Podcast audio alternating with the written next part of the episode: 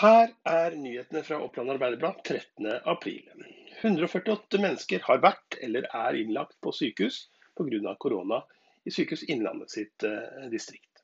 Det er ikke meldt om noen nye dødsfall siste døgn. Mandag var 204 pasienter eh, innlagt med koronasmitte på norske sykehus.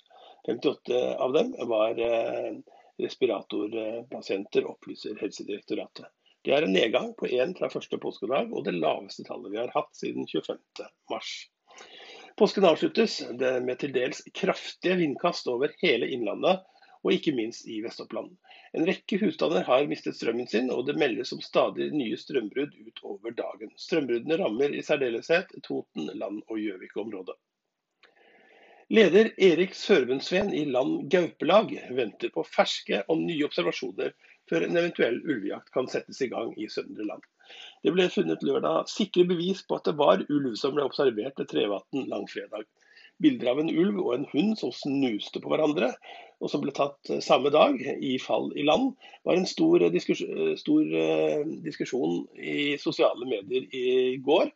Det ble satt størstforstein ved ektheten på bildene, men OA har snakket med fotografen, som hevder bestemt at de var ekte, men ble tatt på lang avstand.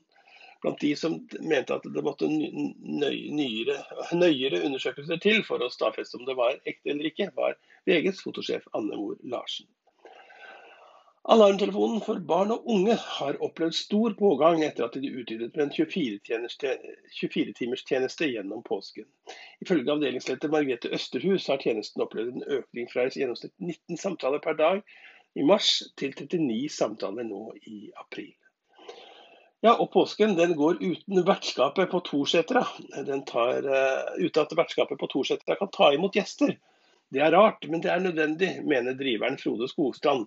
Frode Skogstrand på 71 år han har drevet Torsetra i 55 år.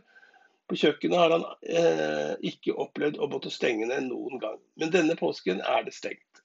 Det er strengt nødvendig, og nå har han også måttet legge det kjente stedet ut til salgs.